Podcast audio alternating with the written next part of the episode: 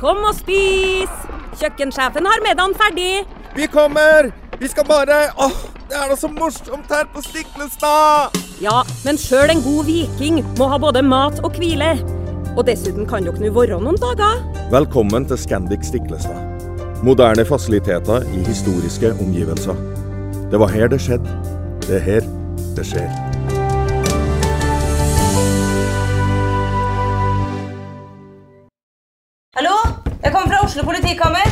Ine Jansen er purk. Er du purk? The motherfucking bitch. Alt jeg vil, er å finne ut hva som skjedde med mannen min. Jon Carew. Er jeg sikta for noe? Iben Akeli. Det er du. Ole So, Lars Berrum og Big Daddy Karsten. Hvem sin side er du på, egentlig? Anette Hoff, Tone Danielsen, Kommer du fra Afrika? Jørnis Josef, Nesten. Kløfta. Trond Espen Seim, Det er synd å si det, men det var feil mann som døde. Purk. Premiere tirsdag på TV2 Play.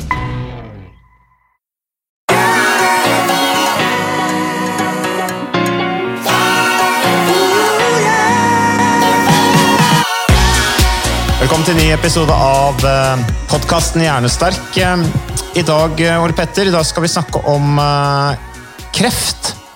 Ja, vi skal det. Trening ved kreft. Og Derfor så, da passer det veldig bra at vi har eh, invitert Helle Aanesen fra Aktiv mot eh, kreft. Eh, Helle, tusen takk for at du kunne komme først og fremst på podkasten. Veldig hyggelig å bli invitert. Du, jo, du brenner jo veldig for folkehelse. Eh, og Kan ikke du bare først fortelle litt om dette med aktiv mot kreft? For det er jo noe vi har, har Dere har vært flinke til å være synlige lenge. Eh, Starta rundt 2007, så vidt jeg vet. Ja, Helt til slutten av 2007 så etablerte Grete Waitz og jeg eh, Aktiv mot kreft. Egentlig ut fra en tilfeldighet. Um, jeg skal være så ærlig å si det. Jeg hadde bare lyst til å løpe New York Maraton. Uh, men i den forbindelse så, så lærte jeg hvor utrolig flinke amerikanere er til å samle inn store pengebeløp til gode saker uh, i forbindelse med uh, store idrettsarrangement. Og det inspirerte meg. Så, så, så er jeg jo med på en del konkurranser her hjemme, og, og har jo aldri hørt snakk om at vi skulle gjøre noe for noen andre i den forbindelse. Har jo handlet stort sett om å gå for seg selv, eller ta merke, eller slå naboen, eller noe sånt noe. Eh, Så jeg syns, eh, jeg syns den tanken var så fin. Og så var jo den gangen, ja egentlig som nå, New York Marathon var jo ensbetydende for meg med Grete Waitz. Og så hadde jeg lest at Grete Waitz hadde fått en kreftdiagnose. Og da var i grunnen den røde tråden der i, i mitt hode. Eh, Jeg syntes det var en ganske god idé. Jeg ante ikke hvordan jeg skulle ta den videre. Eh, Men jeg begynte å tenke på det, eh, og jeg tenkte mer og mer på det. Og så kom jeg til et punkt hvor jeg sa Helle, nå må du enten slutte å tenke på det, eller så må du gjøre noe med det. Og da forsøkte jeg å finne frem til eh, nummeret til Grete Waitz. Det, da gikk jeg masse omveier. Jeg trodde det var kjempevanskelig. Det sto på 1881, så det var jo ikke så vanskelig. Jordnær type Grete Waitz. ja, det var det hun var. Men hun hadde jo ikke noe egen telefon, så den første telefonen jeg tok, som jeg da trodde skulle bli superskummel, den, eh, den ble jo alt annet enn det. Eh, Jeg hadde fått nummeret til Jack, eh, ringte til Jack. Eh, Han er jo en hyggelig mann. Jack er mannen da til var mannen til Grete. Nemlig. Jack Waitz eh, var mannen til Grete. Um, og han var jo bare veldig hyggelig og imøtekommende og syntes at dette hørtes ut som en spennende idé, og tenkte at uh, dette burde vi jo prate mer om. Så det var mitt, uh, min første prat med, med Jack, og så møtte jeg ham på Ullevål sykehus noen uker etterpå, uh, da Grete var inne og fikk eh, cellegiftbehandling. Eh, Og vi ble sittende og prate såpass lenge at Grete ble nysgjerrig, så hun kom ut da med uh, cellegiftstativet sitt for å eh, se og, høre, og, og egentlig hilse på og være litt, ja, Hun var litt nysgjerrig på det. Så det var mitt første møte med Grete. Og sånn startet egentlig da eh, ja, vårt samarbeid rundt da det som skulle bli Aktiv mot kreft. Helle, kan du fortelle litt om hva er det dere jobber for eh, med Aktiv mot kreft? Altså, hva er på en måte hva er det dere rent sånn praktisk jobber eh, Hva er det dere ønsker å bidra med?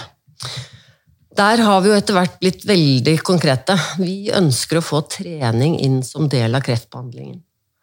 Eh, Og det ønsker vi å bidra til, og det gjør vi også. Så i løpet av disse 12 årene, snart 13 årene som har gått, så har vi da åpnet pusterom, altså til treningsrom, treningssentre tilrettelagt for kreftpasienter på 16 norske sykehus.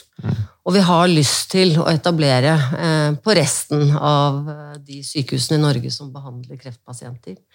Og det er rett og slett for at eh, det skal bli en naturlig del av behandlingstilbudet.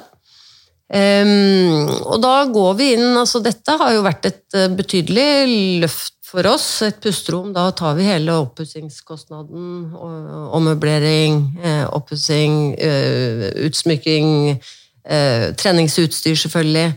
Så det betaler dere for sykehusene? Det har vi gjort for disse 16. Eh, Og i tillegg så har vi gitt sykehusene midler til drift de første tre årene. Eh, Og det har nok vært eh, den kanskje avgjørende tungen på vektskålen til at mange sykehus har eh, valgt å ta imot den gaven. Eh, Sykehusbudsjettene er visstnok så trange at det er vanskelig å, få inn eh, den type stillinger.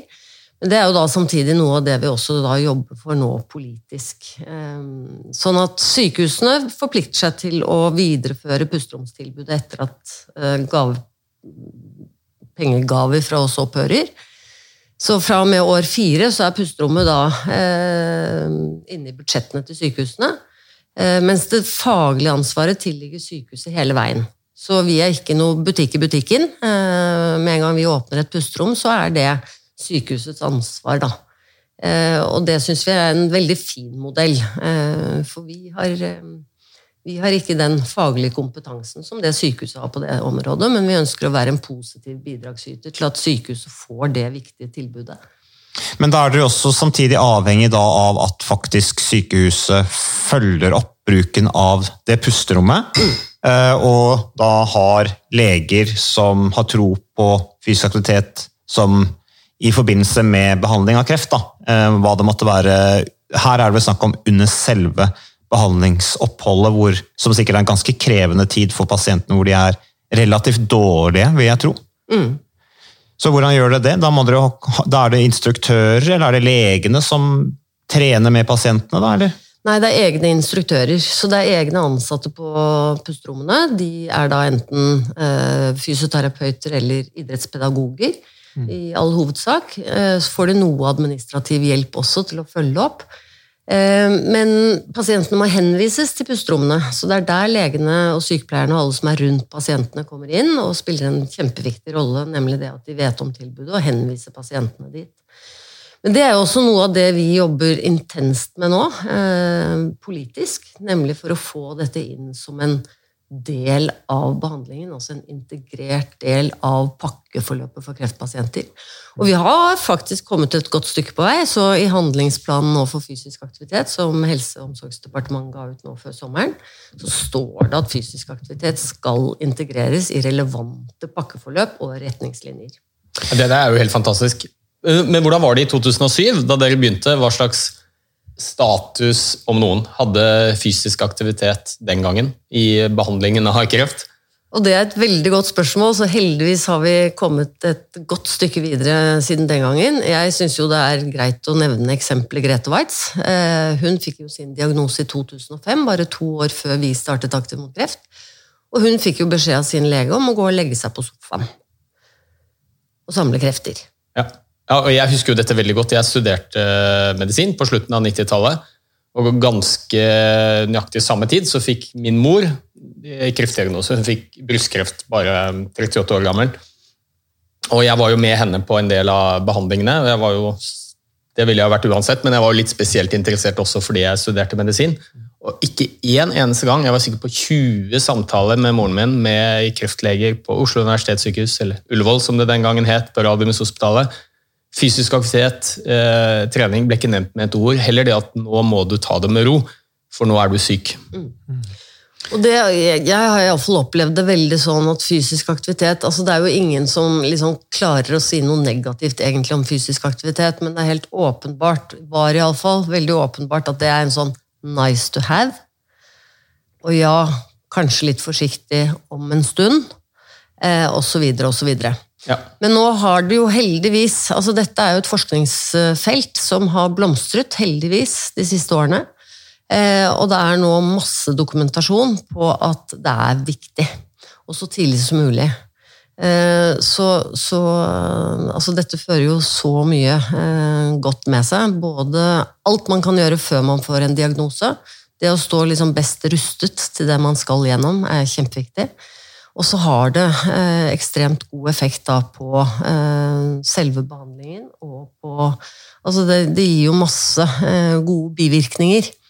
Eh, og det eh, reduserer jo risiko for tilbakefall og følgesykdommer, og eh, gir deg rett og slett økt livskvalitet, og det er det jo nå mye forskning på, heldigvis. Og der har det, dette har vært et felt som har vært i en, liksom, en blomstrende utvikling da, de siste eh, 15 årene. Ja, og for, jeg jeg syns det er interessant at her er det veldig god forskningsdokumentasjon på både at eh, fysisk aktivitet forebygger kreft. Vi vet at eh, det forebygger iallfall kreft- eh, 13 viktige kreftformer, bl.a. brystkreft, eh, tykktarmskreft, noen av de viktigste og vanligste krefttypene i Norge. Så er det å være i fysisk aktivitet det kan redusere risikoen ganske betydelig for å få disse kreftformene. Og Hvis du så får en kreftdiagnose allikevel, for det å være fysisk aktiv er jo ikke noe garanti for ikke å få kreft, det er jo Grete Waitz et veldig godt eh, eksempel på. Det er mange faktorer som påvirker. Det er gener, arvelighet og mange forskjellige livsstilsfaktorer. Hvis du får, først får en krefttype, så vet vi jo at de som er i god fysisk form og trener, både har trent før de får diagnosen og etter de har fått diagnosen, de har jo bedre prognose. Altså De lever lenger, og de lever bedre. Og Det er til og med vist i store studier, riktignok på forsøksdyr, da, men at eh, treningen påvirker veksten av kreftceller. altså Hemmer veksten av kreftceller, gjør det mindre sannsynlig at kreften sprer seg. Og I tillegg så vet vi jo at fysisk aktivitet er viktig for å mestre sykdom. ikke sant? Mestringstillit og mindre risiko for depresjon, og selvfølgelig alle de andre positive tingene som følger med å, å være i aktivitet. Redusere risikoen for andre sykdommer også. Så det er, det er jo nesten rart at eh, det tar så lang tid før fagmiljøene aksepterer dette og gjør noe med det. Men jeg tenker Det er litt sånn gjennomgående de podkastene vi har hatt. da Vi har snakket om psykiatrien, vi har snakket om skolevesenet, vi har snakket liksom om samfunnet, politikerne. eh, Og nå er det jo da snakk om legene, helt sånn konkret relatert til kreft. Det der å på en måte få satt fysisk aktivitet på agendaen, og det er jo veldig mye det dere jobber med da i Aktiv mot kreft. og liksom eh, Synliggjøre mosjon som en del av helheten i forhold til et behandlingsopplegg. og Det er en, egentlig en helt ny idé. Ja, og, og Men det er så viktig. Og sant, det er viktig for pasienten selv for eh, å ha et best mulig sykdomsforløp. Eh, være best mulig forberedt til det, komme seg best mulig gjennom det, og komme seg best mulig eh, tilbake til eh, enten et kronisk liv etterpå, eller et friskt liv etterpå. Og så er det Det vi har liksom nå også begynt å fokusere veldig på, det er jo at dette med trening må inn så tidlig som mulig. Så vi har jo fått et nytt favorittord, vi, nemlig prehabilitering. Eh, og det er ikke sant, dere som er eh, gamle toppidrettsutøvere, dere, dere har jo holdt på med det hele tiden. Altså, hva skal til for at du står best mulig eh, klar og fit for fight på startstreken, Mats, ikke sant, når du skal ut i et sykkelritt? Eh, Det er jo en, eh, ofte en, kanskje en snål sammenligning, men ikke desto mindre en fin sammenligning.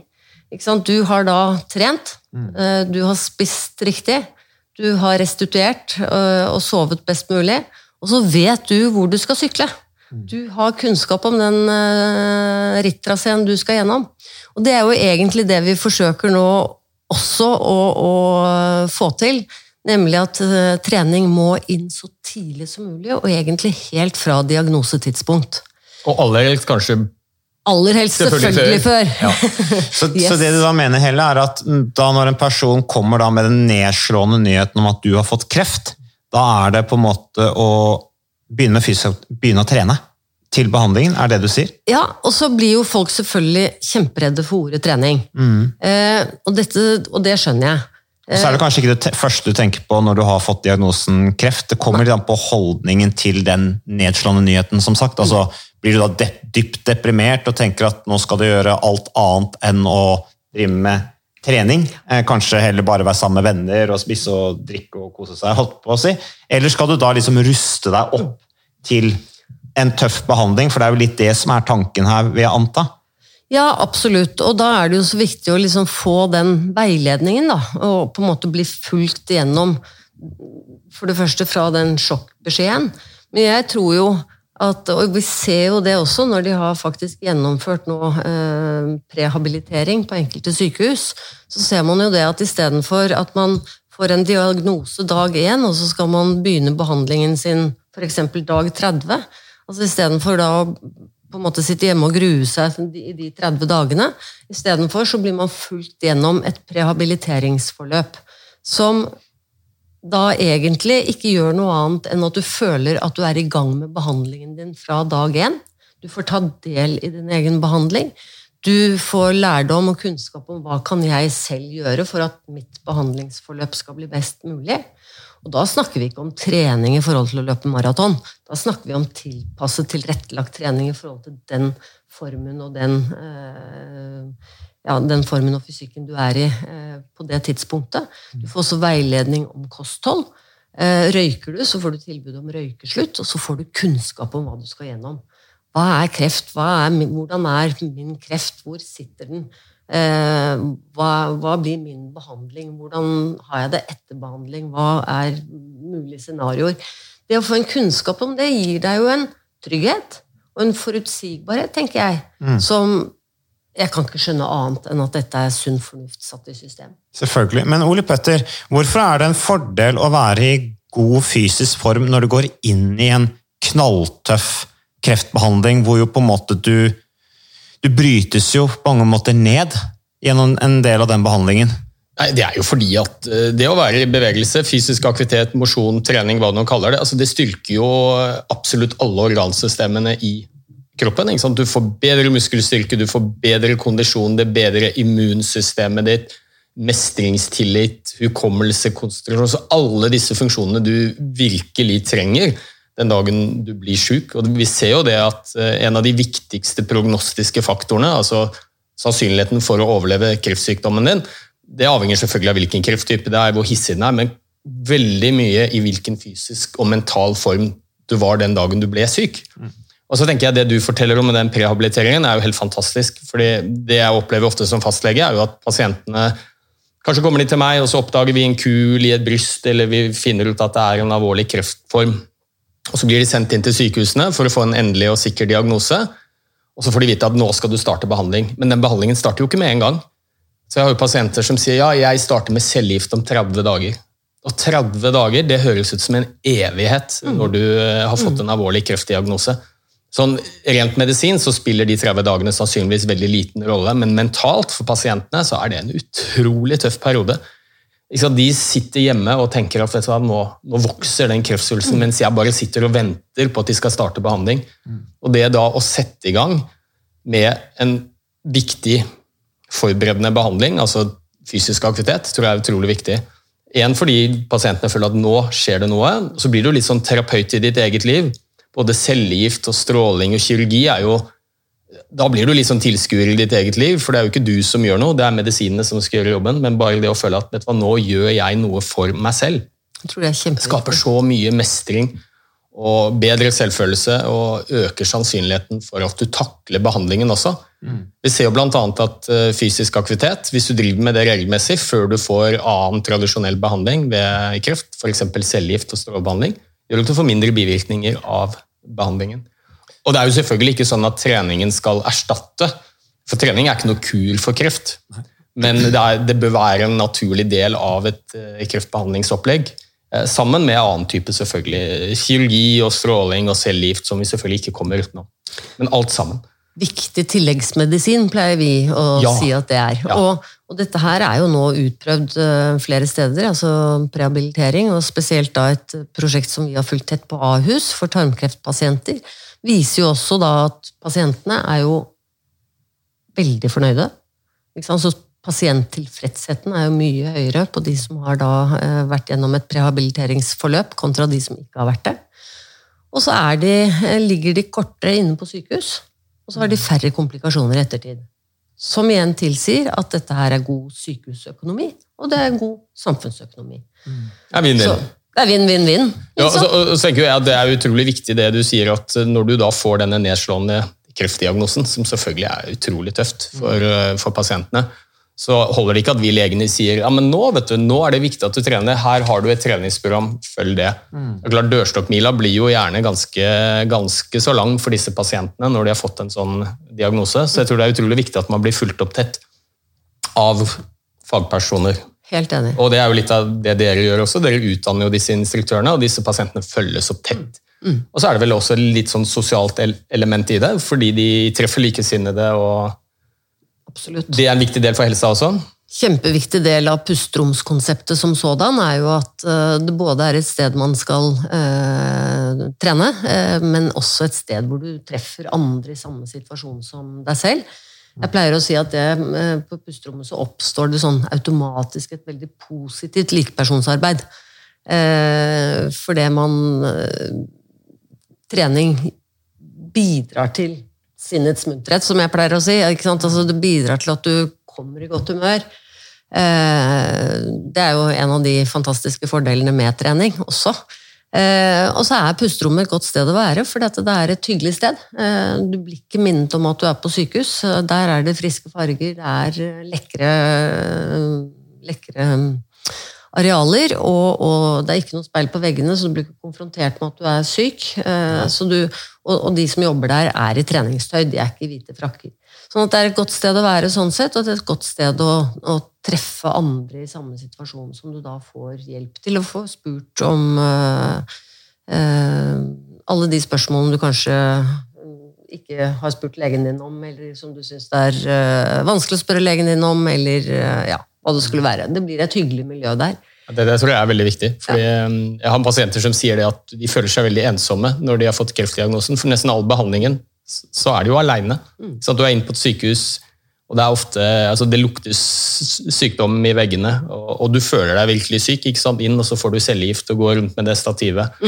Og du er aleine. Kanskje har du med deg noen pårørende, men um, når du er en del av disse pusterommene, så er det sosialt. Det er mange andre som er i samme situasjon, og de sier at fokuset der er noe helt annet. Altså, det, er, det er ikke sykdom. Nei.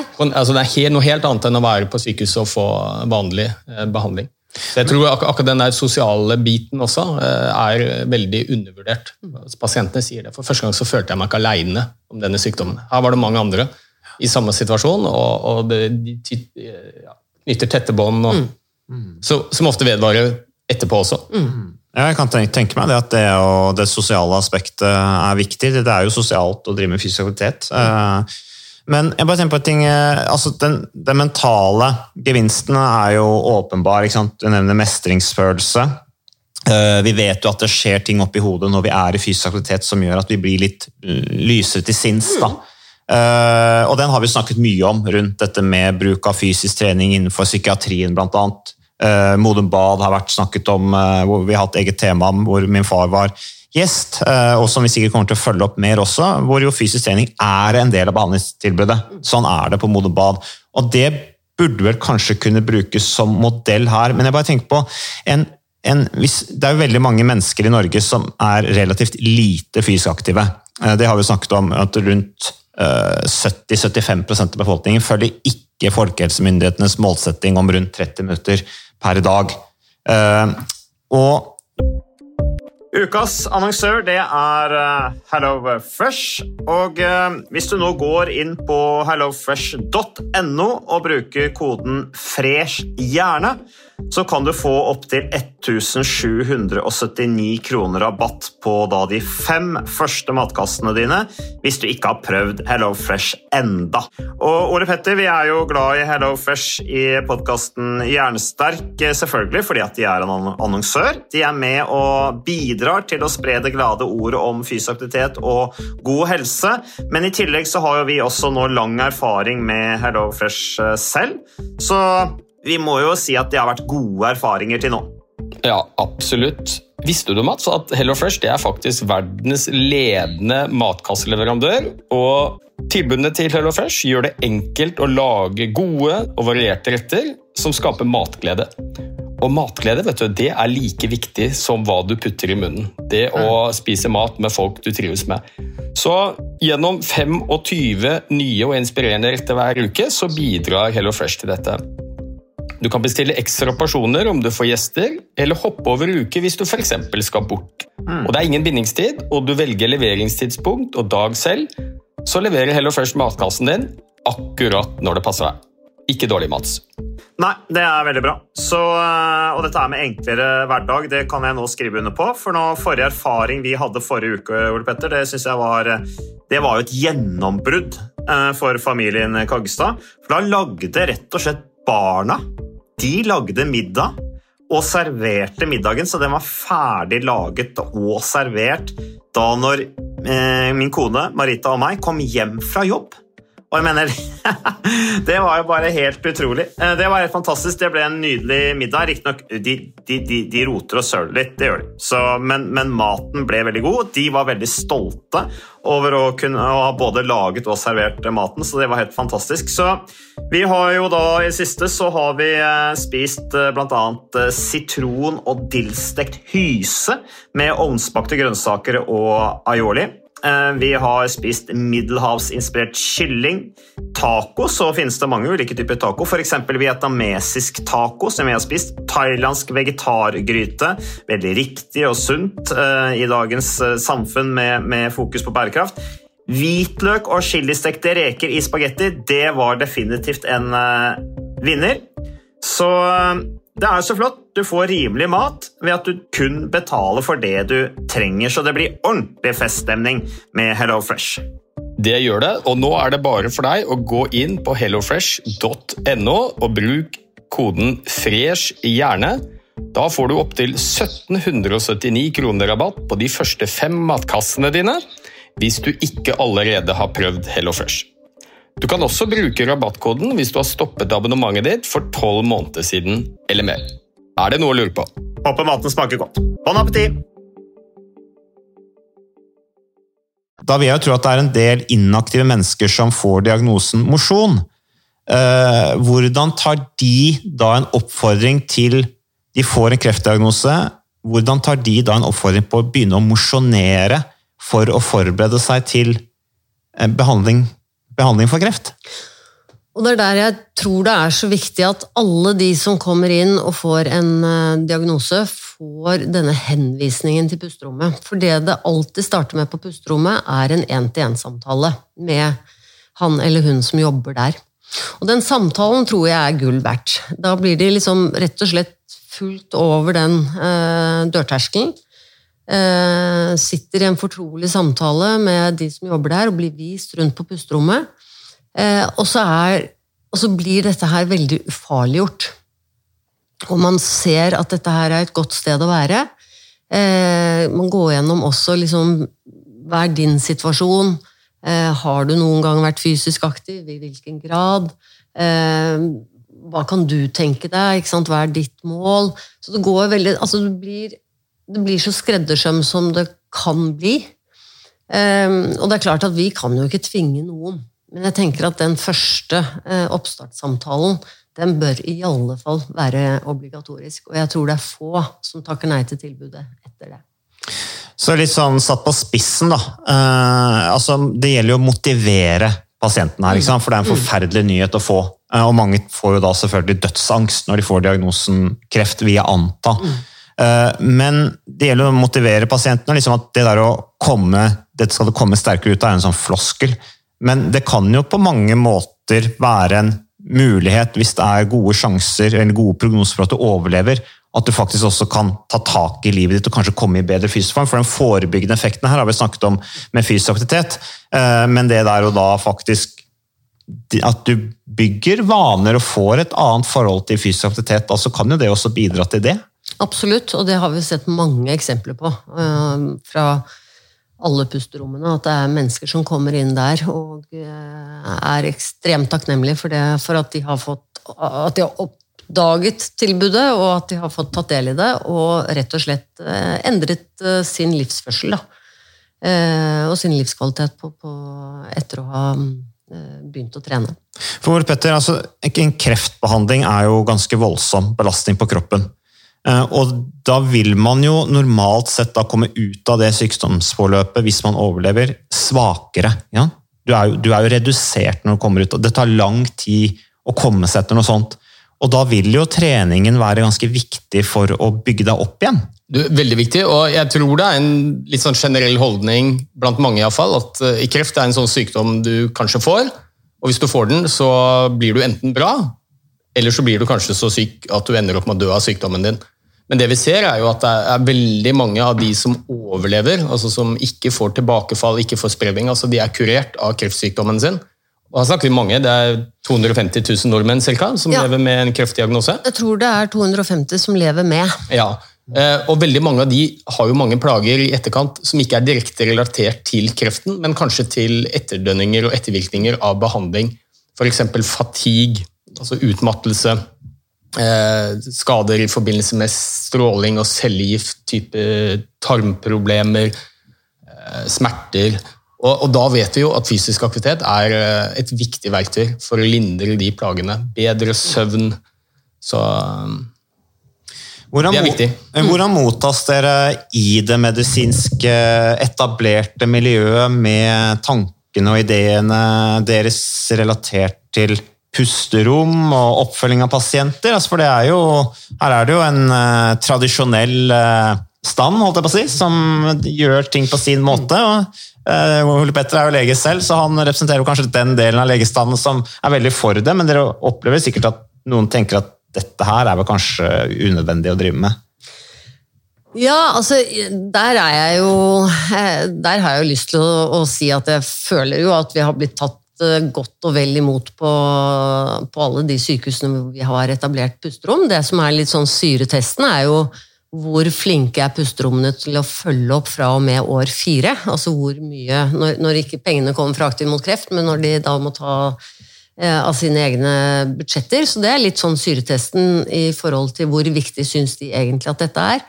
Og det er derfor det politiske arbeidet vi holder på med nå er så viktig. For det er klart at vi vet at det er eh, sosiale ulikheter og strukturelle ulikheter innenfor eh, helse og i sykehusverden, og, og, og, det gjelder jo dette også. For det er jo eh, foreløpig litt for tilfeldig hvem som får greie på at her, her finnes det et pusterom, og trening er viktig. Ehm, for da skal du liksom møte den legen eller den sykepleieren som forteller deg det. Eller eh, kanskje ha en venn eller et eller annet sted i Jungeltelegrafen hvor du får liksom greie på pusterommet. Mm. Eh, og ofte så vet vi jo at det er de mest eh, kanskje ressurssterke da, som klarer å orientere seg i den jungelen av tilbud som, som finnes. Så det er jo det vi også nå ønsker, at alle skal få dette tilbudet. Ja, for det blir litt sånn som det treningsrommet hos den bedriften som gjerne står der relativt ubrukt, hvis ikke sjefen oppfordrer de ansatte til å bruke det, og det ikke er forankra som en del av helheten. Det gjelder jo her også. Ja, du gjør jo det, og vi har jo nå så god eh, dokumentasjon på at dette her er viktig medisin.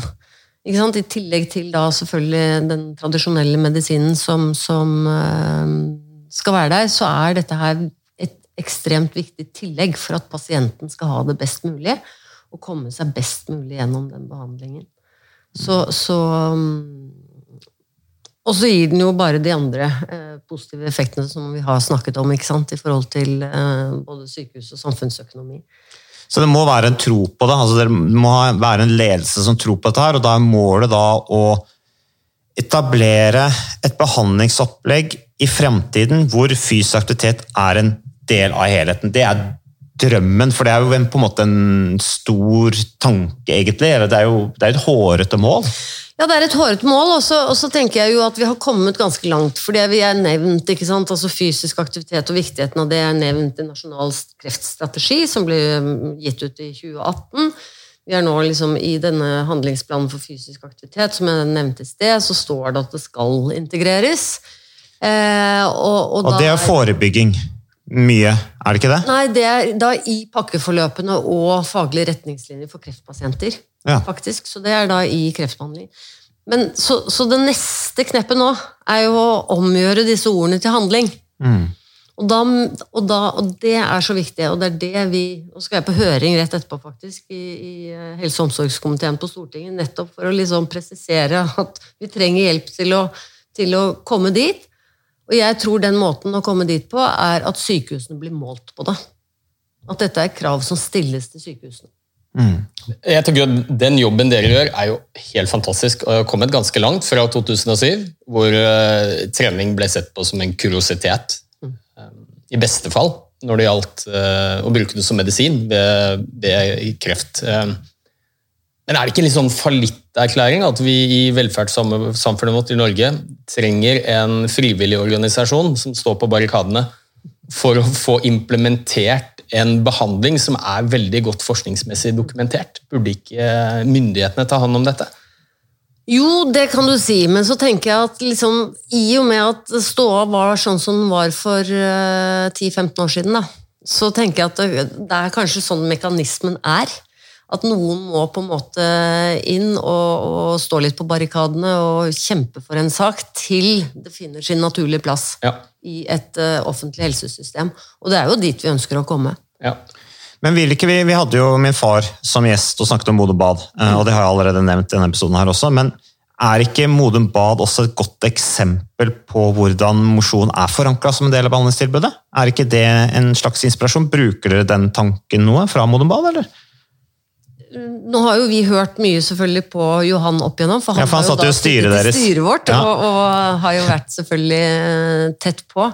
Ehm, Så det er klart at det har jo vært en inspirasjon, og jeg tenker jo at eh, på den måten de har klart å få det inkludert i behandlingsopplegget på Modum Bad, det er jo egentlig sånn vi ønsker å, å, å få det tilrettelagt i det offentlige, vi også. Ja, for der er det jo idrettspedagoger som er ansatt på heltid. Mm. Eh, og det må jo være målet her også, å få på en måte idrettspedagoger, fysioterapeuter, hva det måtte være, til å jobbe i disse pusterommene og ta seg av pasientene med, Ja. med dette som en del av behandlingsopplegget. Ja, absolutt.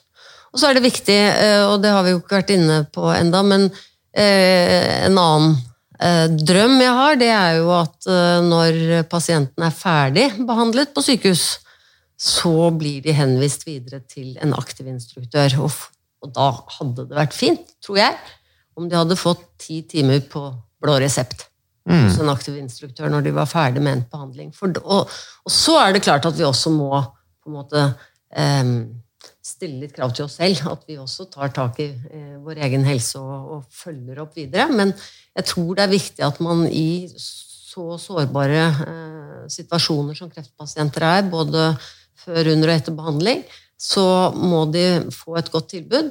Og så forhåpentligvis så har de da gjennom hele den prosessen eh, sett og kjent på kroppen viktigheten av å være eh, fysisk aktiv og være i bevegelse.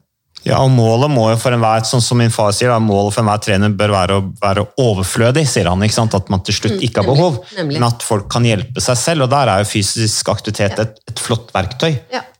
Men den hjelpen, eh, de der ti timene på resept, det tenker jeg eh, er et, eh, er et fint verktøy da, til å klare akkurat det. Men eh, Helle, du må ha masse lykke til i dag da, i møte med politikerne. Det er vel ikke ditt første møte med politikere? Så du er jo, eh, du er jo en kriger. Ja, vi må, altså, dette er veldig spennende, for det er klart vi har, vi har, kommet, eh, vi har kommet et stykke på vei, og så vil vi jo veldig gjerne helt i mål. Og det er jo det vi, så vi har ikke tenkt å gi oss før vi er i mål. Jeg, jeg tror i hvert fall det at um, nå er det en ball som har begynt å rulle. Og endringer i helsevesenet skjer veldig langsomt. Altså Den tiden det tar fra vi har ny vitenskapelig dokumentasjon på gode behandlingsalternativer, til det blir implementert i, eh, som en del av rutinebehandlingen, det tar ganske lang tid. Men jeg tror jo at her handler det om å, mye mer enn bare å prøve å overbevise pasienten om hvor viktig det er å trene. Det gjelder jo egentlig alle ledd, så du må ha legene med på laget. Det er de som henviser. Så du må få inn mye mer undervisning om hvor viktig fysisk aktivitet er som medisin ved forskjellige sykdommer, bl.a. kreft, i legestudiet. Og så må du selvfølgelig få politikerne til å innse at dette er noe det er verdt å bruke penger på sant, i disse statsbudsjettene. Eh, At det å både forebygge fysisk aktivitet, hvor viktig det er for folkehelsa, for enkeltindividene, og også at det er en viktig behandlingsstrategi, så det settes av midler til det, sånn at det ikke blir litt sånn tilfeldig, som du sier, da, de sykehusene kanskje hvor det er ildsjeler og ressurssterke mennesker som brenner for dette og setter det i gang, og så er det veldig mange sykehus som ikke har det. Mm. for da risikerer du at det blir enda større sosiale forskjeller i helse, som er ganske formidable i Norge allerede.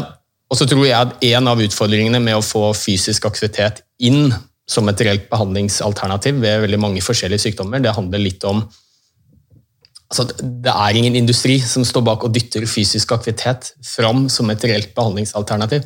Altså, tenk deg hvis du hadde en pille som gjorde alle de tingene eh, som fysisk aktivitet gjør med oss, så hadde det jo vært verdens enkleste produkt å få inn overalt. Altså Politikerne hadde skjønt det, legene hadde skjønt det, pasientene hadde skjønt det. Men her er det ingen industri som står bak og dytter, og det tror jeg faktisk er en eh, ulempe. Bare for å ta det, Vi snakker en del politikk og er ganske oppgitt over politikerne våre i den podkasten. og det skal de jammen meg få også. Men um, jeg bare tenker på å få det litt ned, nå som vi har det her. eh, Helle, du har jo snakket om Grete Waitz? Eh, som, som vi, jo- kjente begge to. Eh, men til en person som har fått kreftdiagnosen, og som kanskje sitter og hører på, eller en som kanskje har, sitter og hører på, som har en familiemedlem som har fått kreft og gruer seg, eh, hvilke råd kan vi gi til de? Oi, det var jo eh, et eh, Altså, vi er, jo, vi er jo opptatt av dette med aktivitet, og det jeg er veldig opptatt av også, det er jo å ikke, ikke bli skremt av ordet trening. Altså Når vi sier trening, så mener vi jo egentlig bare fysisk aktivitet satt i system. Eh, For det er klart at trening kan være så mangt. Trening er ikke eh, nødvendigvis å sykle ni mil eller løpe et maraton. Trening kan eh, er da fysisk aktivitet ut ifra dine egne forutsetninger, men med repetisjon. Det kan være gå en tur. Ja, gå en tur. Eh, og gjerne gå en tur, eh, ikke bare én gang, men kanskje repetere den i overmorgen. Eh, sånn at man opprettholder den fysiske formen man har, hvis man har en ålreit fysisk form, eller prøver å forbedre den. Ja, for det kan man selv om man har fått kreft. Fordi at, Ole Petter, du i boka di 'Sterk hjerne med aktiv kropp', eh, så i avslutningen av den boken så eh, beskriver du en pasient som du kaller for Sven, som har fått en kreftdiagnose, men som trener. Og det er ikke noe motsetning mot det, tydeligvis. Nei, Han fikk en uh, veldig alvorlig kreftdiagnose. Uh, kreft i bukspyttkjertelen, som vi vet er en av de mest alvorlige formene. og um, Det er bare 3% av pasientene som lever fem år etter diagnosen. Så han skjønte at dette var en sykdom han ikke kom til å leve veldig lenge med. Og, og han fikk jo da uh, selvfølgelig um, behandling på sykehuset, ikke for å kurere dette, men såkalt lindrende behandling. Og Han var jo med i en sånn mosjonsgruppe som vi hadde på legekontoret, eh, som han startet flere år før han ble syk. Og um, det som skjedde var jo at Han fikk en telefon han, eh, fra sykehuset som lurte på om han var interessert i å få cellegift. Det var jo en del bivirkninger med det, men legene mente at det ville gjøre at han kunne leve litt eh, lenger. Og Så tenkte han seg litt om på telefonen og så sa han, du vet hva, ja, jeg takker ja til den eh, behandlingen, cellegiftbehandlingen, så lenge det ikke er på en tirsdag eller en torsdag, for da trener jeg. Og det han sa, og som kona hans også fortalte et, etter at han døde, da, for han døde et halvt år etterpå, han sa det at eh, de siste månedene han levde, så var den treningen det var et av de viktigste holdepunktene hans. For Der hadde han likesinnede som han traff det sosiale aspektet. av. Han følte seg rett og slett bedre i hverdagen og følte at han taklet sykdommen sin bedre. Og dette er jo også så kjempeviktig, ikke sant? Altså, det er jo viktig for alle. Eh, enten du går inn i et kurativt løp hvor du skal bli frisk, og du skal tilbake til helt normal hverdag igjen, eller at du er blant de 250 000 som skal leve med, eller du går inn i en palliativ fase, så handler det om at man skal ha det best mulig. Best mulig, så lenge som mulig. Ikke sant? Ja, og Der er treningen viktig. Men jeg tenkte litt sånn avslutningsvis, jeg heller, fordi nå snakker vi jo veldig mye om trening eh, ved kreft. Men dere engasjerer dere jo i andre aspekter av folkehelsa også, annet enn bare kreft. Så jeg tenkte jeg skulle spørre deg litt om det. Det er jo en av våre fanesaker, dette med fysisk aktivitet i skolen. Der er dere også involvert. Ja, altså, det er klart at ehm, vi bruker pengene våre på fysisk aktivitet for kreftsyke, men det er klart at vi eh, ser jo at eh, det er jo så utrolig viktig. I hvilken, i hvilken forfatning er vi når vi kommer til et, et diagnosetidspunkt, da. Så dette med folkehelse og det å være i best mulig fysisk eh, form er jo uansett viktig. Eh, For livskvalitet generelt, men også for å forebygge både kreft og alle mulige andre sykdommer også. Så det er klart at vi må jo, og brenner jo for, å engasjere oss for folkehelse generelt. Og så syns jeg det rett og slett er en kjempeskremmende utvikling. At 75% av oss er inaktive. At 60% av norske menn eh, har overvekt eller fedme. Altså det er noen sånne skremselstall her som jeg bare blir eh, ja, eh, veldig skremt av. Og så vet vi at internasjonalt og globalt også så er fedme og inaktivitet våre største helseutfordringer. Og så snakker jo alle om bærekraftsmålene, og bærekraftsmål nummer tre til FN er jo god helse. Og her, og?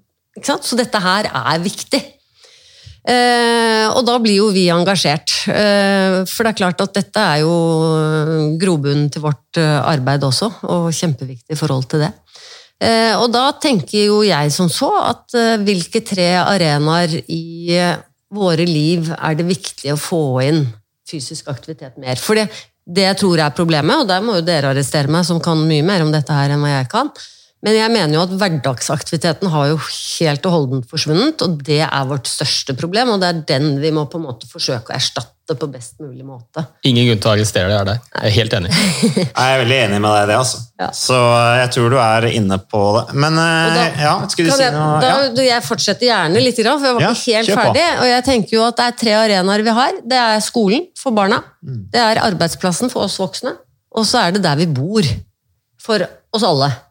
Og da har jeg liksom, og og dette har jeg sagt til enkelte politikere, at jeg liksom, det er, det er en ting. For det første er det jo barn, ikke sant, innlysende. Den, øh, den stortingsvedtaket som ble gjort i 2017, hvor én time fysisk aktivitet skulle inkluderes i, hver dag i skolen.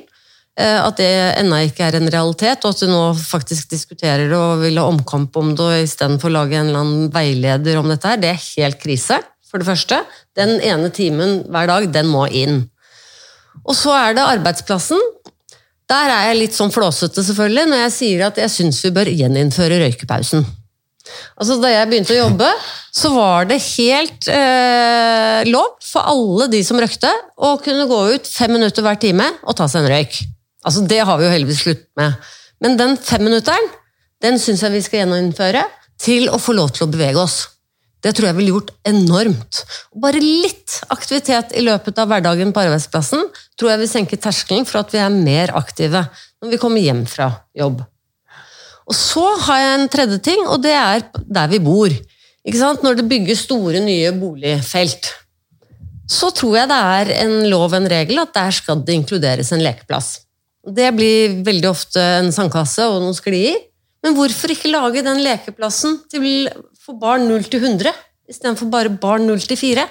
De barna på 0 til 4 de beveger seg jo uansett. Det er vel kanskje fremdeles den gruppen vi ikke er så bekymret for. De trenger faktisk for. ikke en lekeplass engang, de. Nei. De kan være så fryktelig farlige, disse lekeplassene. Ja, Vet du. det er det.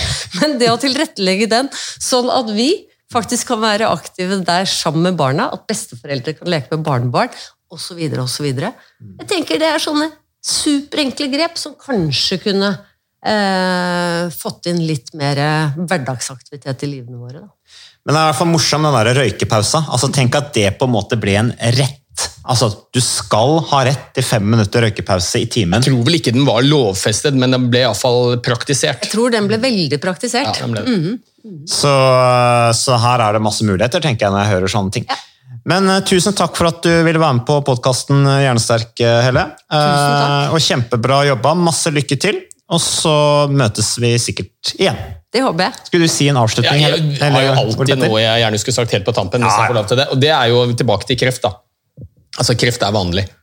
Én av tre nordmenn eh, har fått en én eller flere kreftdiagnoser før de er 75 år. Og da tenker jeg at eh, Noe av det viktigste vi kan gjøre, altså de faktorene vi kan påvirke, det er å være i fysisk aktivitet regelmessig, spise sunt, få nok søvn. Det er kanskje de tre viktigste faktorene vi har for å forebygge kreft. Og, Skulle du få en kreftdiagnose, eller noen som lytter da, som har pårørende som har fått kreft, så er min helt konkrete anbefaling be de gå til fastlegen eller gå til fastlegen og spør om å bli henvist til et av disse pusterommene. For det tror jeg er noe av det aller viktigste man kan gjøre for å påvirke hvordan man får det senere. Altså Bedre prognose, klarer seg bedre etter kreftsykdom. Så er det større sjanse for å overleve i kreftsykdommen. Så det er min anbefaling. Det var en uh, veldig bra avslutning. Takk for at du lytta på podkasten.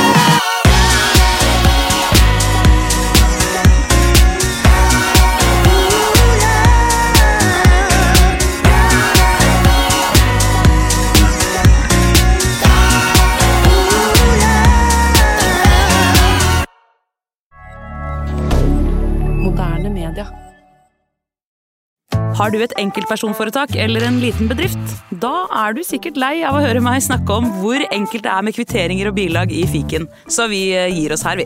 Fordi vi liker enkelt. Fiken superenkelt regnskap.